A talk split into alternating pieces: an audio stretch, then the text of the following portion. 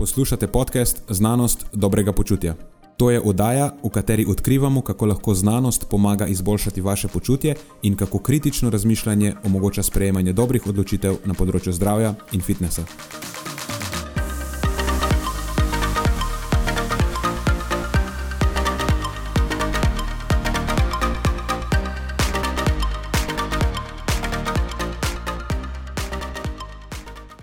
Pozdravljeni, z vami smo Nenad ter moja sovoditelja Marijo in Matjaš. Tokrat je na vrsti posebna, okrogla, rečemo temu jubilejna, stota epizoda, in ob tej priložnosti smo se odločili, da naredimo nekaj drugačnega, nekaj posebnega. In v tej epizodi smo obujali spomine na prejšnjih 99 epizod. In sicer s tem, da smo izpostavili in se pogovarjali o izbranih citatih iz prejšnjih epizod, ki so se nam najbolj vtisnili v spomin. Preden začnemo, pa se moram zahvaliti še našim sponzorjem. Zaenkrat to še vedno ni velika korporacija, temveč zvesti poslušalci, ki nam izkazujete zaupanje in podporo s prijavo v našo člansko skupino Znanost dobrega počutja.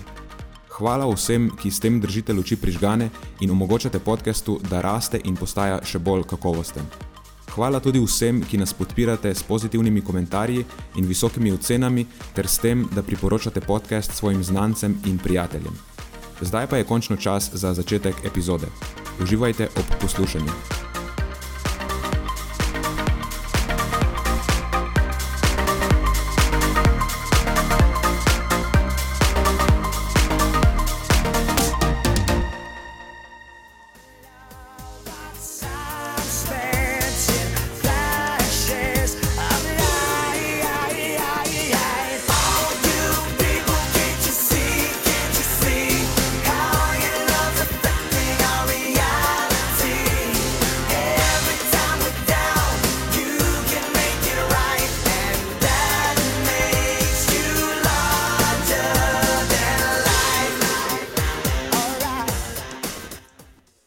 Obvezen Backstreet Boys komat. Nujno, za številko 100 je to edino, kar se pričakuje. Stotka in spet smo zbrani vsi trije na kupu. In seveda si izbral komat Larger than Life za stotko. Ne? Absolutno. Ampak ta komat govori, how your love is affecting our reality. To pomeni, da so poslušalci larger than life. Uh, no, vidiš, to ima globoko sporočilno vrednost. In kdo bi si mislil, da ravno um, besedilo od Backstreet Boys Ja. Ker če ne bi bilo poslušalcev in njihove naklonjenosti, pa ne bi bilo niti stote epizode. Mislim, ne bi bilo niti. Ja, niti, niti prvih, prvih par. Ja. Bili bi pogovori med nami, ki so posneti in jih lahko mi poslušamo. Ali pa sploh ne bi bili ja. posneti. Da, hvala, evo, še z moje strani uh, slušateljem za, za, za vsak download, za vsako epizodo, ki ste jo poslušali. Um, in tudi vama, v bistvu, da ste me uh, povabili zraven. Tako da, koliko smo navdušeni? Od ena do sedem. Mm. Od ena, ena do sedem, sedem. čista sedemka, taka kristalna sedemka. Jaz sem ti v bistvu fulh hvaležen, ker si glih uh, zaključil sedem, ker jaz sem že prej hotel reči sedem. Tako da ta sedmica pri meni zdaj izpade full top. ja, okay. Unike ne vejo, pač lestvica do sedem je najboljša lestvica za ocenjevanje. Hvala lepa. Ker ima glih za dost širok nabor, pa ima umestno številko, pa na vsaki strani se še zmeraj lahko odločiš. Dovolj visoko resolucijo ima. Ni pa prevelika resolucija, ker una desetka je pa že tako, paralysis by analysis varianta. Ne veš, da bi dal, ki je zdaj 7, 8, 9. Ja, ja, res je. A smo mi kaj odštevali na tem podkastu? Nismo. Do stotke nismo odštevali sploh. Odštevali smo vse druge okrogle številke, samo do stotke ne. Ok, lahko zdaj odštevamo, le jaz sem pripravil nekaj za to. Uf, uh, šampanjec. A veš, boš uravnal to zagre. Sam ne se poškodovati s tem. Ampak, ok, daj to mi pomagati, daj to mi pomagati. Se pravi, a gremo od 3, 2, 1, to mislim, da lahko. Daj potem odprem. Demo. Ok, torej 3, 3, 2, 2, 1. 1. Oh, no. Model je res odprl šampanjce. Model je res odprl šampanjce. To ni bil sound effect, to je bil ta pravi fucking šampanjc. oh, boj, odlično. Sam, sam, da imamo dejansko full disclosure, ura je 8 in 11 minut zjutraj. Ja, jaz sem se udeležil enega programa, ki se mu reče Mojster svoje prehrane in tam sem se učil te stvari, a veš, postaviti v kontekst. Ne, hecam se. In ura ne izključuje eh, pitja alkohola v nobenem primeru. Točno to, točno Niti to. zjutraj, niti zvečer. Lej, nekje po svetu je ta trenutek ura 7 ali pa 8 zvečer, kjer je že bolj sprejemljivo to. Dejansko eno poglavje, eno poglavje v, v programu Mojstra svoje prehrane je namenjeno tudi alkoholu. a ne? Tako je. No, vidiš, tistega sem se očitno dobro udeležil. Dobro Pa sladoledu. Pa sladoledu. A, Absolutno, da sladoled dajet. To je knjiga, še, knjiga se sicer še piše, Mhm. ampak eh, kot kaže, je zanimanje veliko. Da, Recept okrog pritiskal. tega tudi se piše, še, ne? nek moki, vidim, da je zdaj v igri. Moči se reče. Moči, moči. Mhm. Tradicionalna japonska sladica, ampak s tem upgradeom, da je zamrznjena, oziroma je v njej sladoled. Mhm. To je pa neka ameriška izpeljanka tega. Ampak v bistvu, tudi če kupiš navaden moč, pa ga daš v zamrzovalnik, čist bolano. Američani bi to odsvrli. Ja, Okay. okay. Zdravje. da, ne na zdravje, da ne zgubljamo preveč časa. Je še mena toča enega, Matjaš. Smo, Dobiš Ja. virtualnega. da je še za me spijenga. Tako na koncu epizode bo že čisto gotovo.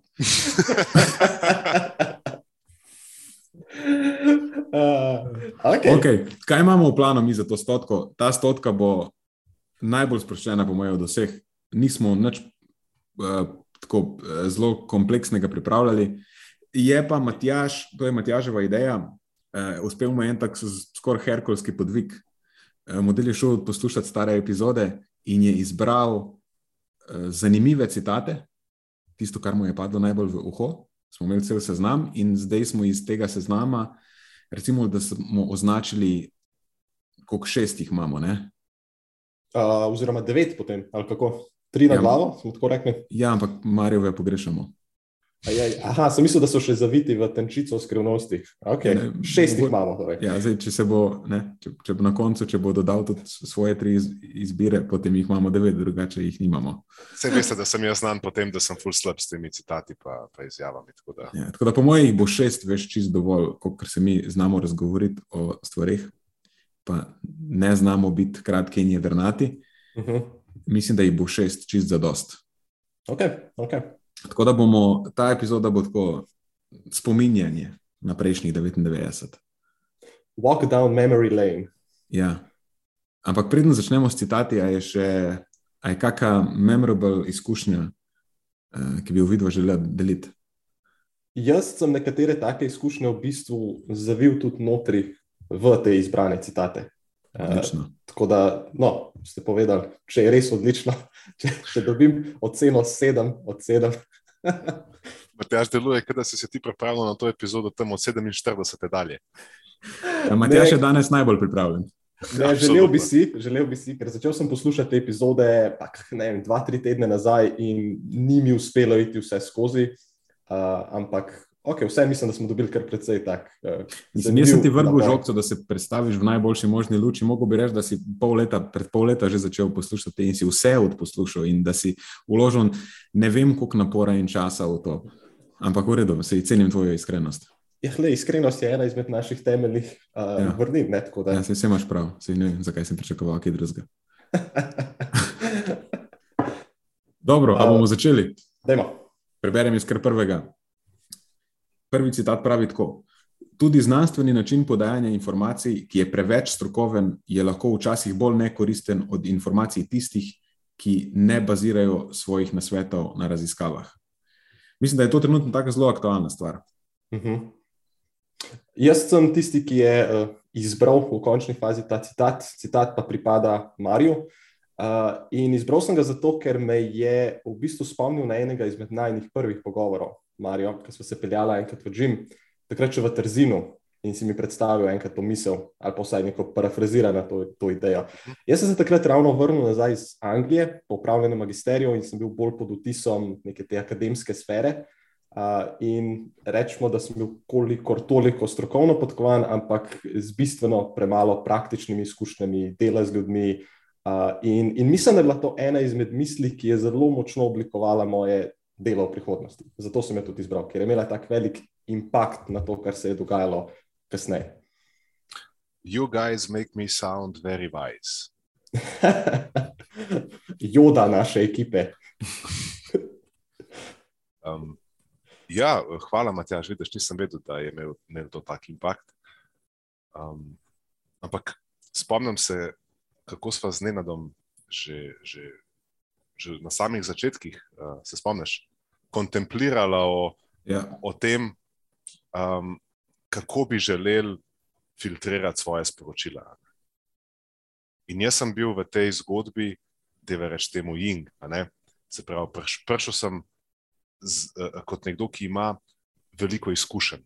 Se pravi, delal sem s številnimi uh, posamezniki, različnimi populacijami in videl sem, katere so stvari, ki delujejo bolje ali slabše v praksi.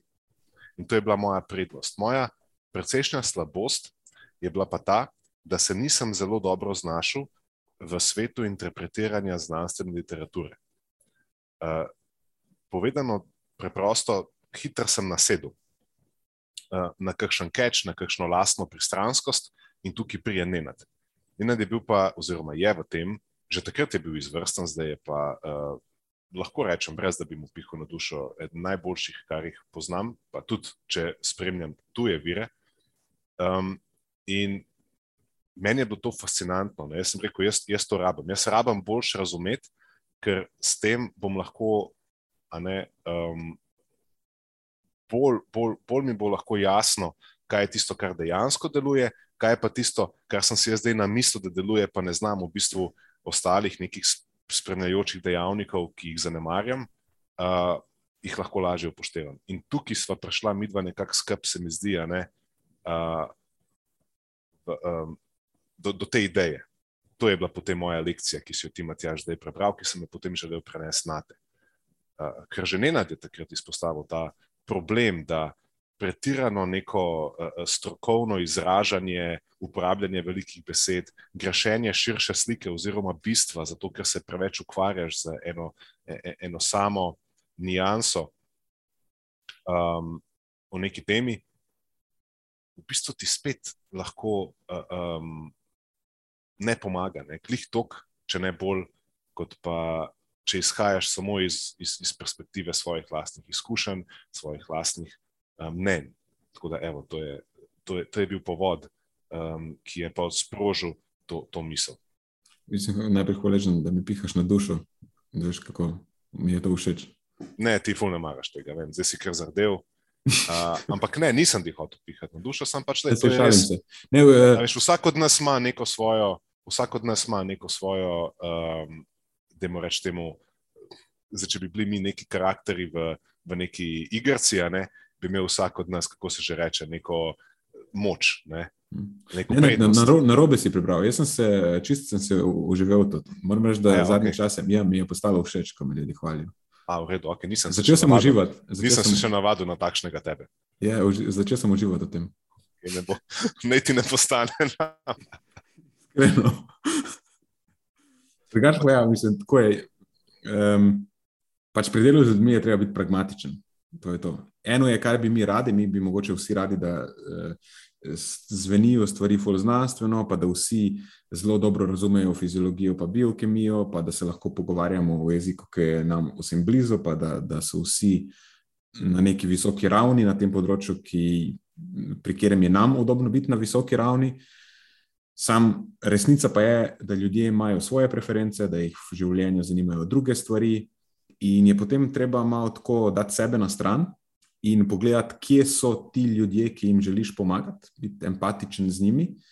In moraš ti stopiti iz svoje cone obdobja in vstopiti v njihovo cono obdobja, če jim želiš pomagati. Tako da to je na svet, mogoče za, kot rečemo, mlade budne trenerje ali pa svetovalce.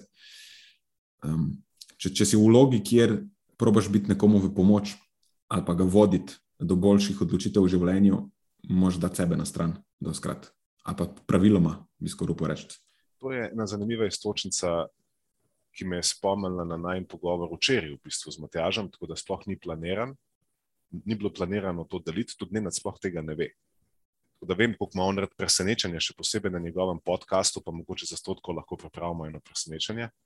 Drugač, ne boš verjel, tudi to je nekaj, v čemer sem začel uživati zadnje čase. Marijo danes ne more zmagati. Je spice novi Nenad. Is the spice of, is the spice of life. Ja, za stotko, veš, Ne vem, kaj se dogaja. Uh, ne, pa se mu bo všeč. Nena, Matjaž me je včeraj vprašal, uh, vprašaj me še enkrat. Mm, Pogovarjala smo se o, o blind spotih različnih ljudi, torej nekih točkah, ki jih ne vidimo, predvsem spet v tem kontekstu komunikacije na vzven, pod vtisom dela z ljudmi ali pa z neko specifično populacijo, ki je nam blizu, pa s tem potem pogosto zanemarjamo druge pomembnejše perspektive. In sem ga vprašal, Marijo, kaj so pa moje blind spoti? Ja. Uh, še na- nadaljeval si, kako naj zdaj jaz vem, ne, Mhm. ki, ki, ki, jih, ki jih imam. Ne. Bil si nekako skoraj mal, a veš, a jih imam, pa jih ne vidim. Veš, da mi ti povej, ne, kateri so. Um, ampak kako zdaj naj mi vemo, da, da, da jih nimamo, ali pa kateri so.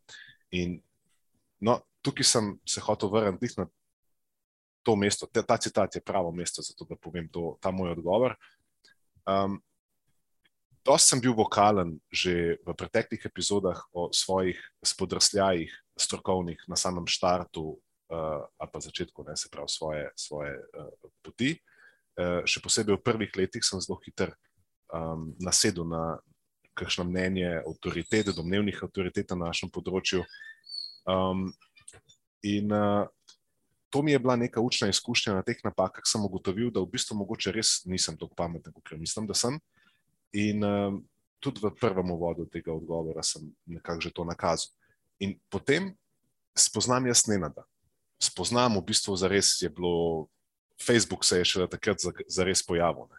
In z- jaz Skoro vem, ni bilo glih toliko časa nazaj. govorim o tem, da smo takrat, za, takrat smo prvič začeli širiti na Facebooku vsebine o prehrani. A, ok, drži. Moram se, tako, moram se ne, popraviti. Facebook je bil prisoten že prej, samo ga ni za ta namen nik, nihče ni uporabljal. Zaprav, da smo mi začeli se o prehrani pogovarjati po Facebooku, deliti vsebine in deliti svoje stališča in mnenja, to je bilo takrat tako. V primerjavi s tem, kar je danes, ne, drug svet. You make me sound old. well. in, um, no, in potem spremljam jaz recimo njegova, nje- njegova dela, njegov način razmišljanja in ugotavljam, da v marsičem, pa ne da se ne strinjava, ampak govori o stvareh na način, ki je bil meni izven mojega dometa. Zdaj, a veš, kaj je, na, kaj je ta knee-jerk reaction večine ljudi, tudi danes? Ko ti nekdo nekaj predstavi drugače od stališča, na katerem ti stojiš, se ponovadi greš z njim kregati. Ti ga, ti ga zdaj hočeš prepričati v več vrednost svojih izkušenj, svojih pogledov, svojih mnenj, in on na drugi strani poskuša storiti enako, in vsak stoji na svojem bregu, in ali se skregata, ali se unfollowata, ali pa ne vem, kar koli se vmes že zgodi. No, in jaz sem rekel, pa, hm, vidiš, to je nekaj, česar jaz ne vidim. Jaz to rabim. Jaz sem takrat že vedel, da jaz to rabim. Če hočem jaz biti boljši, če hočem pelati to bar kot ja, kamor jo hočem, jaz rabim to perspektivo, ker jaz ne morem sam ne, do tja priti. In da ne dolgovezim preveč, s tem je prišlo pa tudi ne, do Matjaža. Zdaj ne jaz, pa ne Nenad, neko področje, specifik športne prehrane, to, to je najmanj blind spot. Ne razumemo mogoče nekih nijans, kako se, a, veš, prehranska dopolnila, športna prehrana, neke, a veš, ja, se ne razume literaturo, jaz razumem prakso, ampak ne, manjka nam to, kar razume Matjaš. Evo, there you go. Another one. Ne?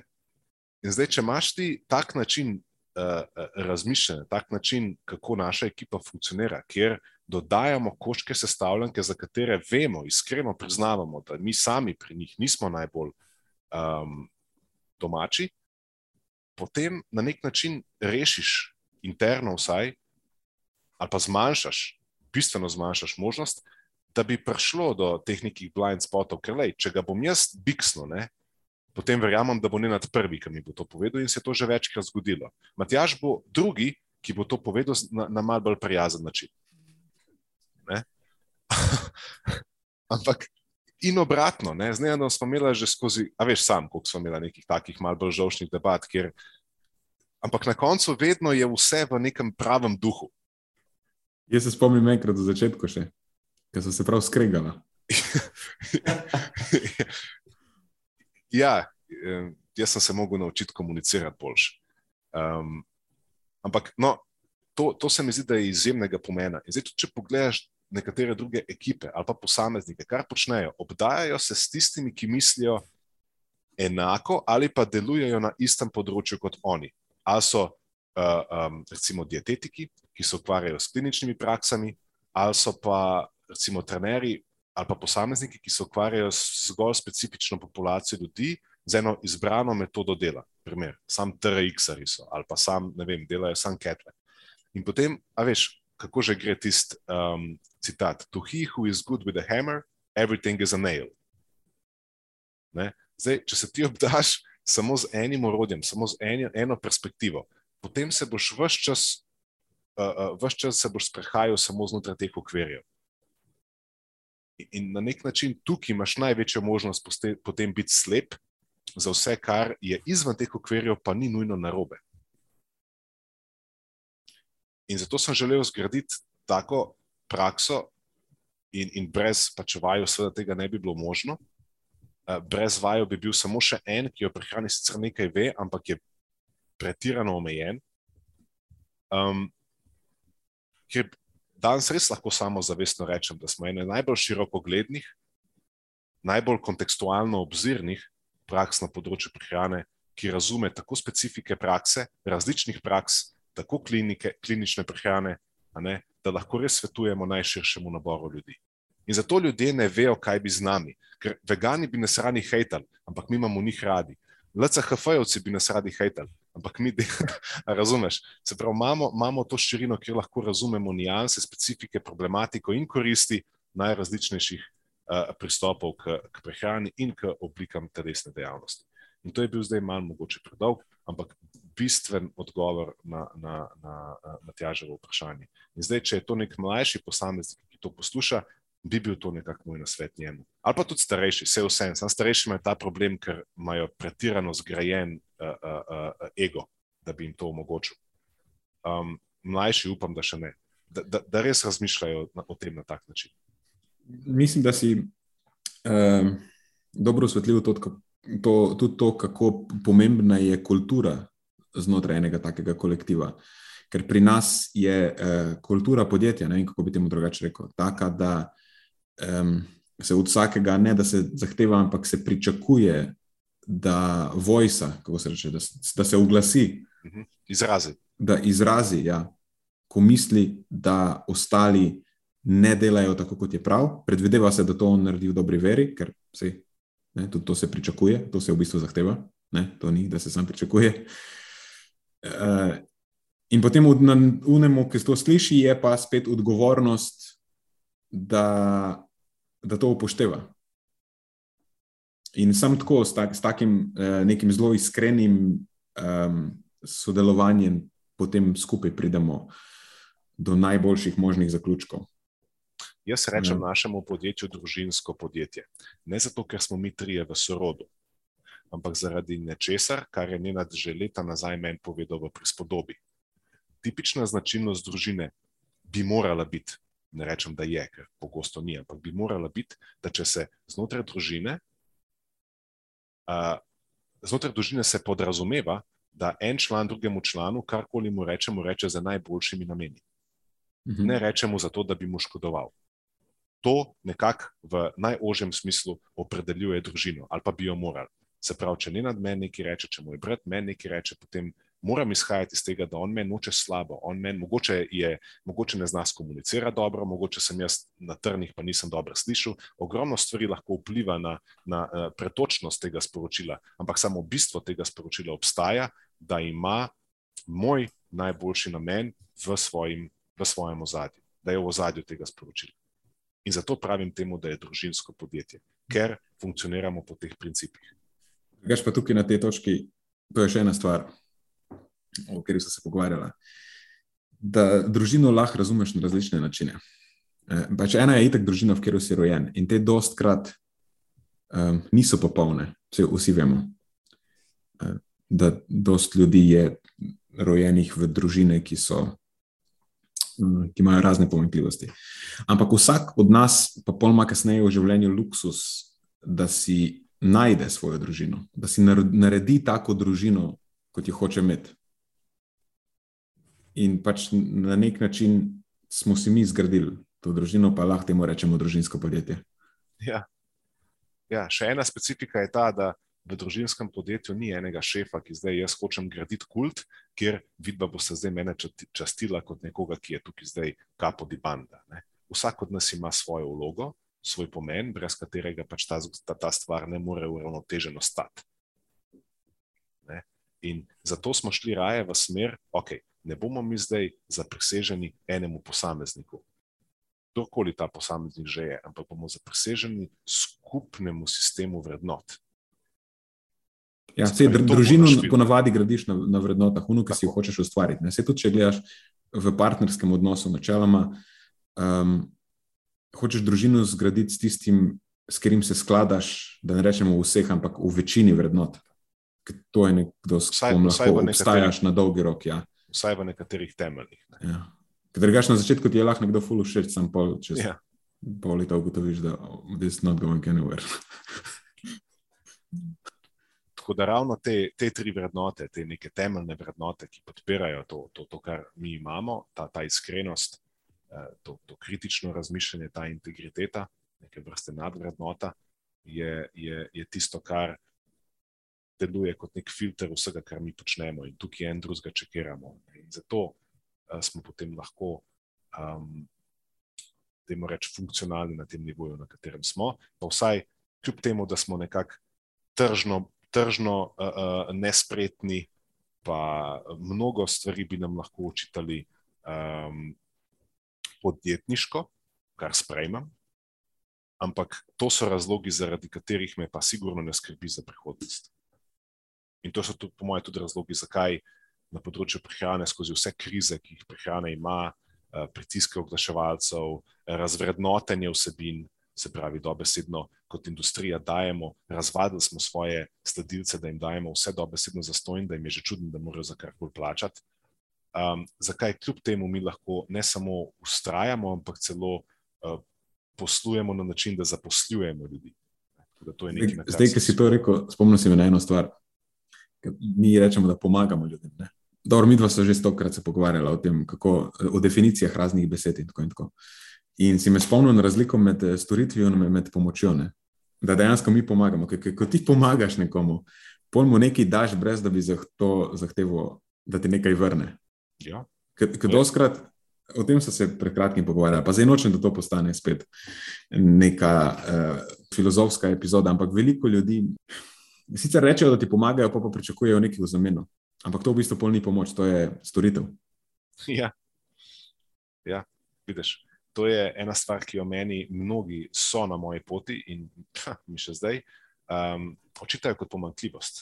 Ti ne znaš ločiti med osebnim in poslovnim, kot da je to nekaj slabega. In dolg časa sem si to očital, kot da bi zdaj res mogel biti. To se malo bolj naučiti. Pač vse en, obstaja neka meja, obstaja distanca. Uh, v zadnjem času sem se odločil, da ne bom tega poskušal popravljati, ker mislim, da je to eden izmed razlogov, zakaj lahko delam dobro. Ker če jaz postavim se na stran storitev in se za me transakcija konča, ko mi človek plača, um, jaz nisem zadovoljen, ker moram dati več kot to. Moram, če hočem človeku pomagati, moram dati več, kot pa odraža zgolj, ali pa se lahko meri zgolj v neki um, ceni cena ni vrednost storitve, ki jo mi ponujamo. In to je nekaj, kar ne uspe vedno, ampak to tudi poskušam, oziroma sem poskušal tudi prenašati na vaju, da ne, mora nam biti v prvi vrsti interes ta človek, ki se nam je odločil zaupati, in moramo razmišljati o tem, kako mu lahko v bistvu zares pomagamo, ne pa samo prodamo storitev. Ja. Cena, ki jo našel, da imamo zdaj reči usluga temu, cena, ki jo našel usluga, je pač neka mi, veš, minimalna investicija, ker mi vseeno moramo obstajati, ker smo privatno podjetje. Ne? Ampak še zmeraj smo pragmatični pri tem, hočemo, da ljudje dosežejo rezultate. In na neki točki v bistvu skoraj vedno tisto, kar ljudje dobijo, um, pre, presega to, za, za kar so plačali. Veš, ni tako, da okay, dobiš to, to, to, pa to in tukaj, tukaj se konča. Je, je sicer, jaz sem sicer, kar se tega tiče, najbolj strikten, mislim, yes. probam biti? Ampak še zmeraj moja pragmatičnost je pol. Kaj sploh probaš doseči? A probaš samo zaslužiti denar, ali probaš dejansko spremeniti življenje ljudi. In um, veš, to dvoje ne gre v bistvu skupaj. Ker, ker doskrat bi pol mogel potegniti črto prej, preden uh, bi bil samozavesten, da bo ta moja intervencija imela tako učinek, kot si ga oba dva z varovancem želiva. Ja, veš, področje dela je tako, da prehrana je izjemno intimna stvar. Za veliko število ljudi je to zelo intimna stvar in presega zgolj neko, veš, vnos kalorij in energija in gotovo. Ampak ljudje imajo do tega cel kupenih uh, predstav, enih čustev, enih neuspelih poskusov, enih, enega stresa in nervoze in delijo s tabo, a veš, bistveno več kot pa samo svoj, ne vem, bančni račun. Delijo s tabo, a veš, neke svoje tegobe, neuspehe, želje, ambicije, predstave. Um, in, in to ni, to, to, je, to je velika stvar. Okay, v tem tempu mi nikoli ne bomo prišli skozi teh šest citatov. Matjaž, gremo dalje. Okay, zdaj bom prebral naslednjega. A ti si? A ja, okay. ja, tukaj bomo, vse po, po mojem, bomo bolj hitri. Gre tako. Delanje napak je nekaj najboljšega, kar lahko naredimo v življenju. Napake so neizogiben del življenja in ključen dejavnik uspeha. Brez napak nikoli zares ne napredujemo. To je pa ne na to lover. Uh, ja, sej, mislim, da tudi, tudi to smo že obdelali smo že tukaj imeli. Pre, ja, prej, kot ugotoviš, da si naredil napako, pomeni, če ti nekdo lahko izpostavi to napako, to boljše zate in če si jo pripravljen sprejeti, se lahko zelo hitro korigiraš. Zdaj pa recimo v enem primeru, ki si opisoval interakcije na Facebooku, ne lahko ga, ne vem, unfriendaš, lahko ga blokaš. S tem sam narediš to, da sicer ustajaš v svoji coni odobja, ampak pomeni, da je tvoje stališče najbrž še vedno ni v skladu z resničnostjo. In če hočeš delati dobro, ne, spet, če smo čisto pragmatični, pol morajo biti tvoja stališča taka, da odražajo resničnost. Če hočeš resničen rezultat, moš vedeti, kaj dela in kaj ne dejansko. Velik del tega pa predstavlja tudi način komunikacije. Zdaj, nažalost, na socialnih medijih je to pač tako. Ne? Če ti nekdo butne ven nekaj tako zelo nesramno, potem težko, to, težko prideš z odprtimi rokami v, v, to, v to interakcijo. Ampak na koncu dneva je še zmeraj od tebe odvisno. Na koncu dneva je še zmeraj od tebe. Ja, kakorkoli grdo ti nekdo pove. Ja, ja, se strinjam. Samo pravim, da tukaj vseeno tudi tisti, ki podaja, uh, ki poskuša nekomu odpreti obzorje, ki mu poskuša nekako približati neko drugačno perspektivo, mora sprejeti ta del odgovornosti. Ne more se uh, uh, pobruhati na nekoga ali pa v komentar nekomu ali pa v sporočilo nekomu in potem uh, reči, ja, jaz sem svoje naredil, zdaj je pa vse na njemu velik del je na njemu, ampak ta del je pa na tebi, da sprejmeš odgovornost za način, kako se izražaš. Um, Tukaj bi jaz rekel, da je na obeh, tudi od tistega, ki je naredil napako, pač odgovorno je, da sprejme kritiko, kakršno koli. Ne moreš računati, da ti bo nekdo lepo povedal. Ja, absolutno. V idealnem svetu tudi tisti, ki ti kritiko daje, to naredi na primeren način in pol ti lažje to spremeš. Sam tako, če potegneš črto, zanašati se na nekoga drugega je tudi malo neodgovorno. Tako da zanašati se na to, da ti bo nekdo vedno lepo povedal. Um, ko govorimo lepo, ko, ko, lepo, ne mislim lepo, mislim bolj, ne samo obzirno.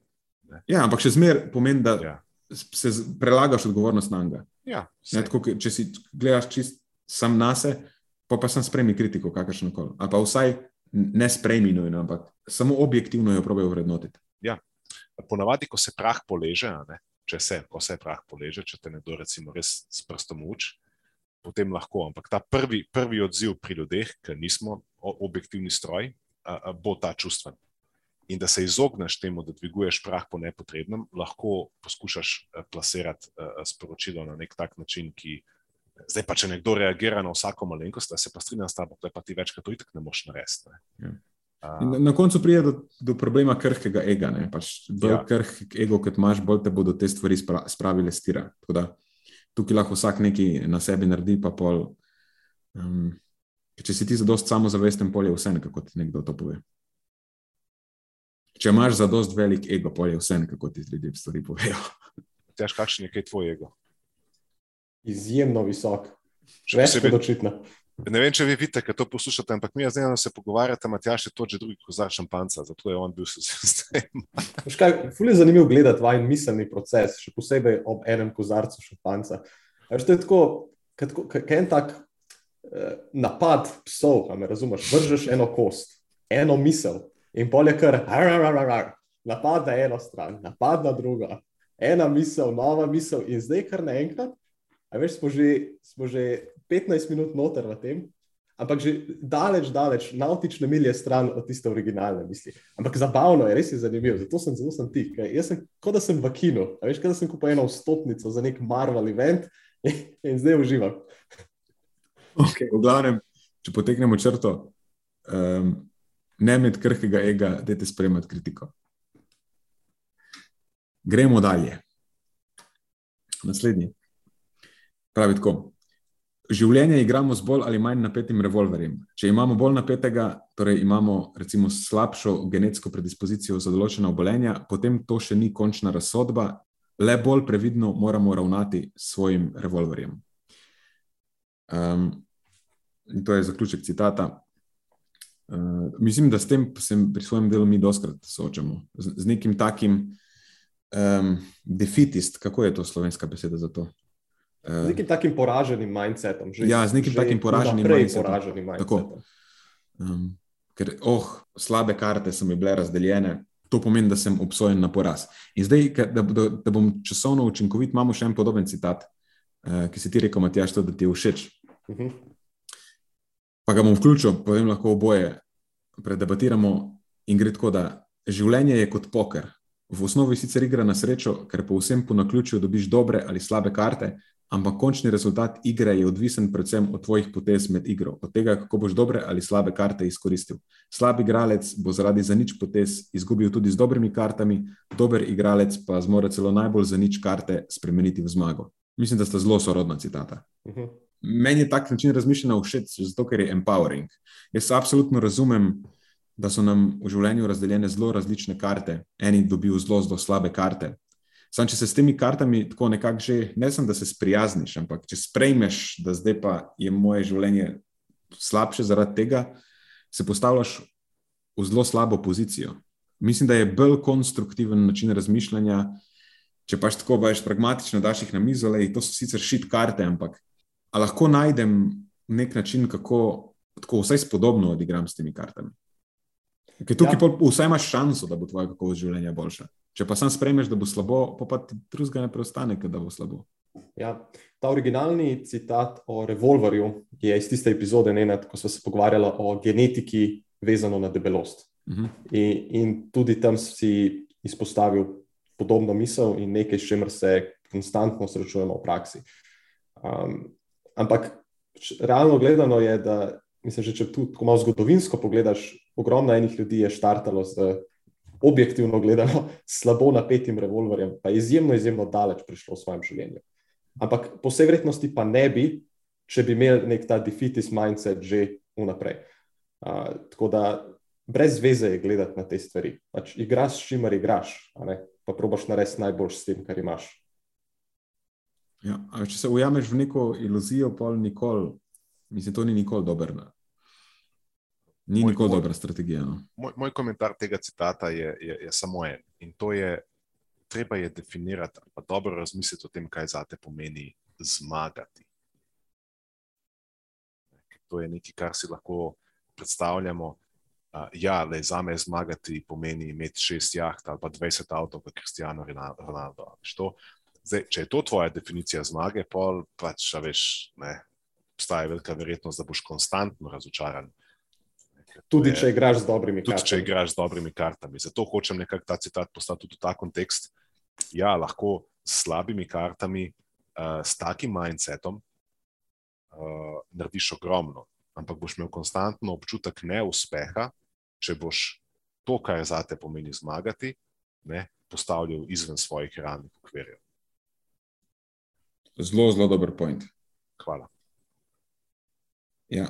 Mislim, to ni bilo v tem citatu eksplicitno, ampak nekako se mi je zdelo, da je implicitno, ker dobre odločitve v življenju pomenijo tudi to, kako si zastaviš cilje.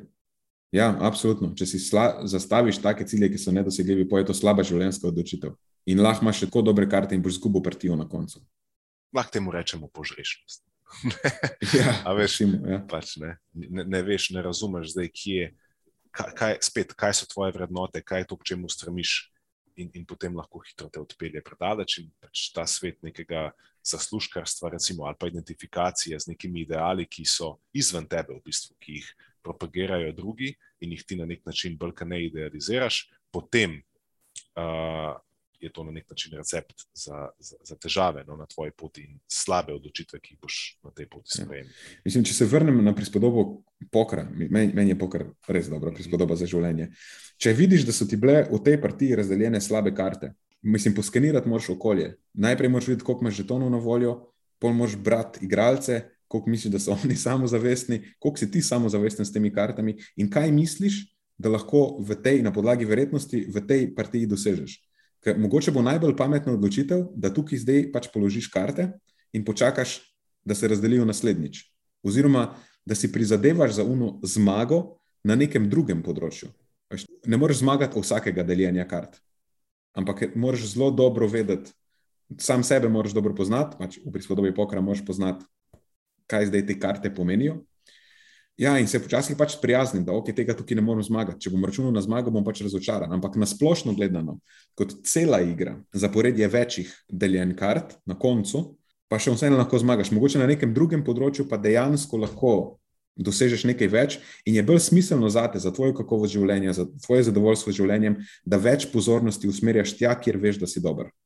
To smo kar lepo razdelili. Odlično. Gremo dalje. Gremo dalje. Naslednja je. To je pa, meni je to super, ne? ker to bo zdaj spet druga epizoda, kjer vzdržujemo ta status Sex Positive podcasta. A, Prej, vem, v prejšnji epizodi, vidva še ne veste, ne, ker ni še izšla v času, ko tega snemam, ampak tima sem presenetil z enim člankom v prejšnji 99. epizodi. Ampak vse boste slišali, ko boste slišali. Uh, in zdaj, citat, naslednji izbranje, kar je dobro za srce, je dobro tudi za obe glavi. Tukaj vemo, o kateri glava govorimo. Ne? Govorim tukaj, zdaj, eh, to je v primeru moškega, ker mo- moški imamo dve glavi. Hvala za poj. dodatno pojasnilo. ja, ne vem, če je bilo potrebno, ampak, ampak vseeno. To, to je bilo pa iz enih izmed zelo nedavnih epizod, ko si govoril o svojih uh, famoznih flavonoidih. Ja, tako je. Ampak z- zakaj se mi zdi fajn ta citat izbrati? Zato, da mi smo vsi na področju prehrane doma. In ful je enega prerekanja o tem, kje so zdaj eh, boljši ali pa slabši načini prehranjevanja. Ampak tako nasplošno, če pustimo vse te ekstremne pristope ob strani, v bistvu vemo, kaj je najboljše za zdravje. Da je nek, nek tak, precej uravnotežen, rečemo, da je temu mediteranski vzorec prehranjevanja. Če glih meni se zdi ta beseda misnomer, pač uporabljam jo zato, ker.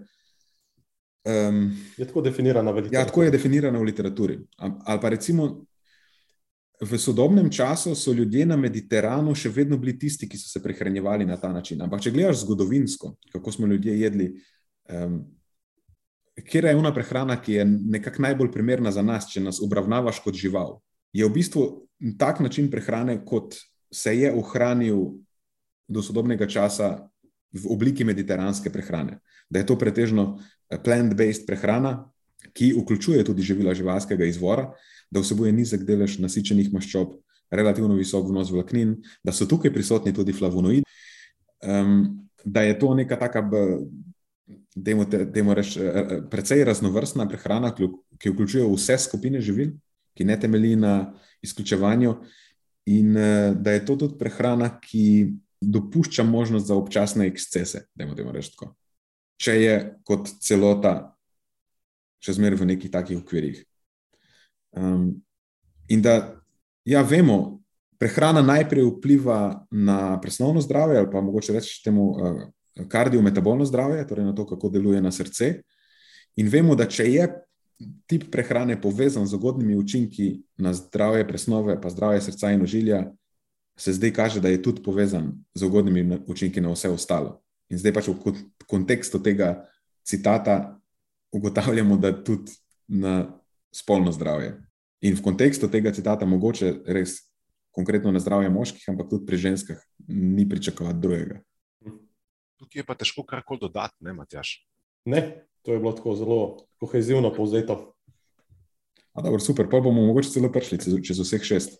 Ja, ni nam kazalo dobro po prvi rundi, ampak nekaj smo pospešili tole. Pa združiš potem dva, ne pa. Pa se da nekako, ne. Ja, ja. Organizacijske sposobnosti so na visokem nivoju, rečemo temu tako. Pa koncentracija alkaloidov tudi. Ja, tudi, tudi to drži. Tudi to drži.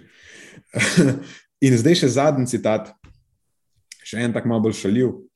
Spomnim se točno, kdaj. To je bila super epizoda, o dobrem spominu jo imam. In citat pravi tako: Podajamo vam predlog za naslednje filgo darilo za vašo babico ali detka. To je sirotka, kreatin in omega-3 maščobne kisline. Da, da postavim to malo v kontekst. Jaz, to, to, je pa, to je pa po mojem edini moj citat na tem seznamu. Uh, načrtno sem zbral tri citate, od vsakega po enega. Prvi je bil ta tvoj, tvoj Marijo, ne, uh, o, o načinu podajanja informacij, drugi je bil tvoj Nenad, o delanju napak, kako je to ena v bistvu super, duper stvar, ko potegnemo črto. Uh, tretji je pa moj. In mislim, da lahko potegnemo iz njega dve pomembnejši stvari. Zdaj, ena je to, da lahko še dodatno izpostavimo to diskrepanco med tem, kdo producira dejansko poglobljene vsebine o prehrani, vadbi in podobno, to sta vidva, pa kdo je tukaj sam zaradi teh komičnih vložkov. ne, to je šala. Druga stvar, čisto čist zares, zakaj sem izbral ta, to vsebino, je zato, ker mislim, da v svetu strokovnega podajanja informacij, pa ne mislim samo o prehrani, ampak nasplošno, manjka nek ta element humorja oziroma zabave, oziroma nek način, kako približati te stvari širši populaciji. Zato, ker če bomo mi samo uh, suhoparni, pa nezanimivi, nihče v končni fazi ne bo odnesel nič od tega. Ne mislim, da moramo biti klovni, daleč od tega, ampak dejstvo je, da, tako kot si ti v bistvu že danes povedal, ne, kdaj moramo stopiti ven iz svoje cone obdobja, pa v cono obdobja drugega, zato da jim lahko približamo nekatere te stvari, da jih lahko bolje ljudje ponotranijo. In tako, kakorkoli obrneš to stvar, um, darilo za babice in detka v obliki kreatina, proteinov in omega-3 so vsaj meni zdi tako precej komično, saj če si predstavljam svojo babico s kreatinom, pa eno jupol kanto proteinov v roki. Ampak dejansko je uporabno. In ne morete verjeti, jaz sem naredil takrat po tej epizodi tudi eno, en Instagram post na to temo.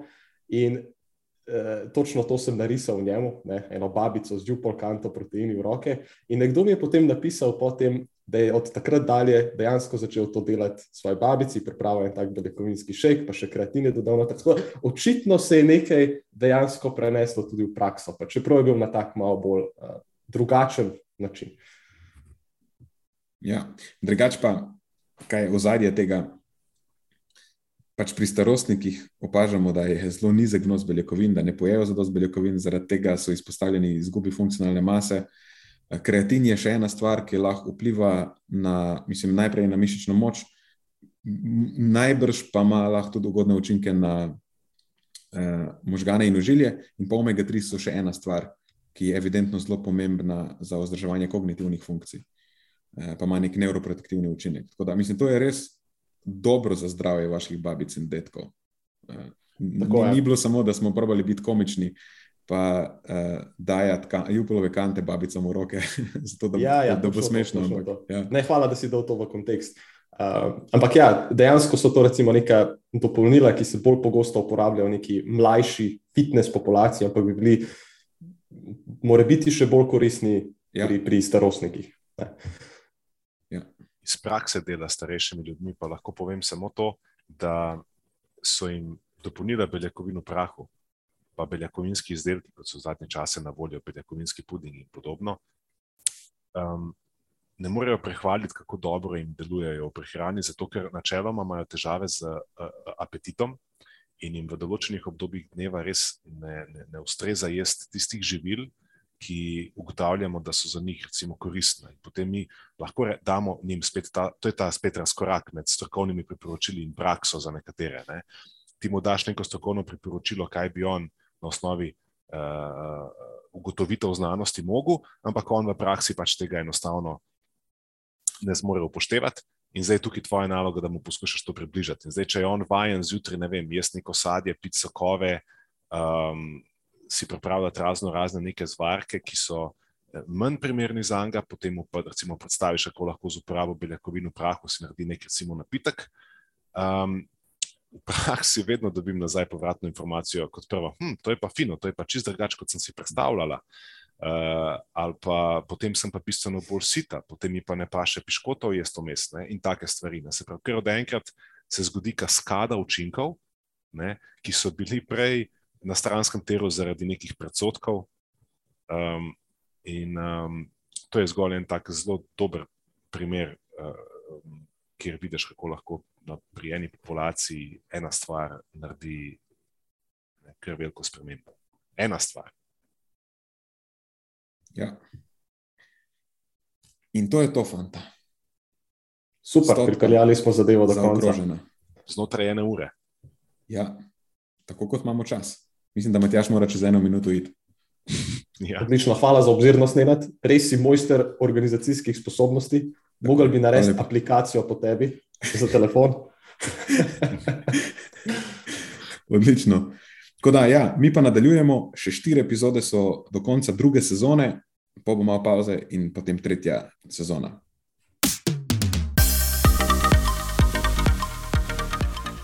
To je za tokrat vse iz naše strani. Hvala, ker ste poslušali do konca. Delite epizodo s svojimi znanci in prijatelji in jo priporočajte dalje, saj s tem omogočite, da sporočilo znanost dobrega počutja doseže čim večjo množico. Hvala vsem, ki nas podpirate s članarino in tudi vsem ostalim, ki delite podcast dalje in nam izkazujete naklonjenost z visokimi ocenami in pozitivnimi komentarji. Se slišimo prihodnjič, do takrat pa ostanite premišljeni.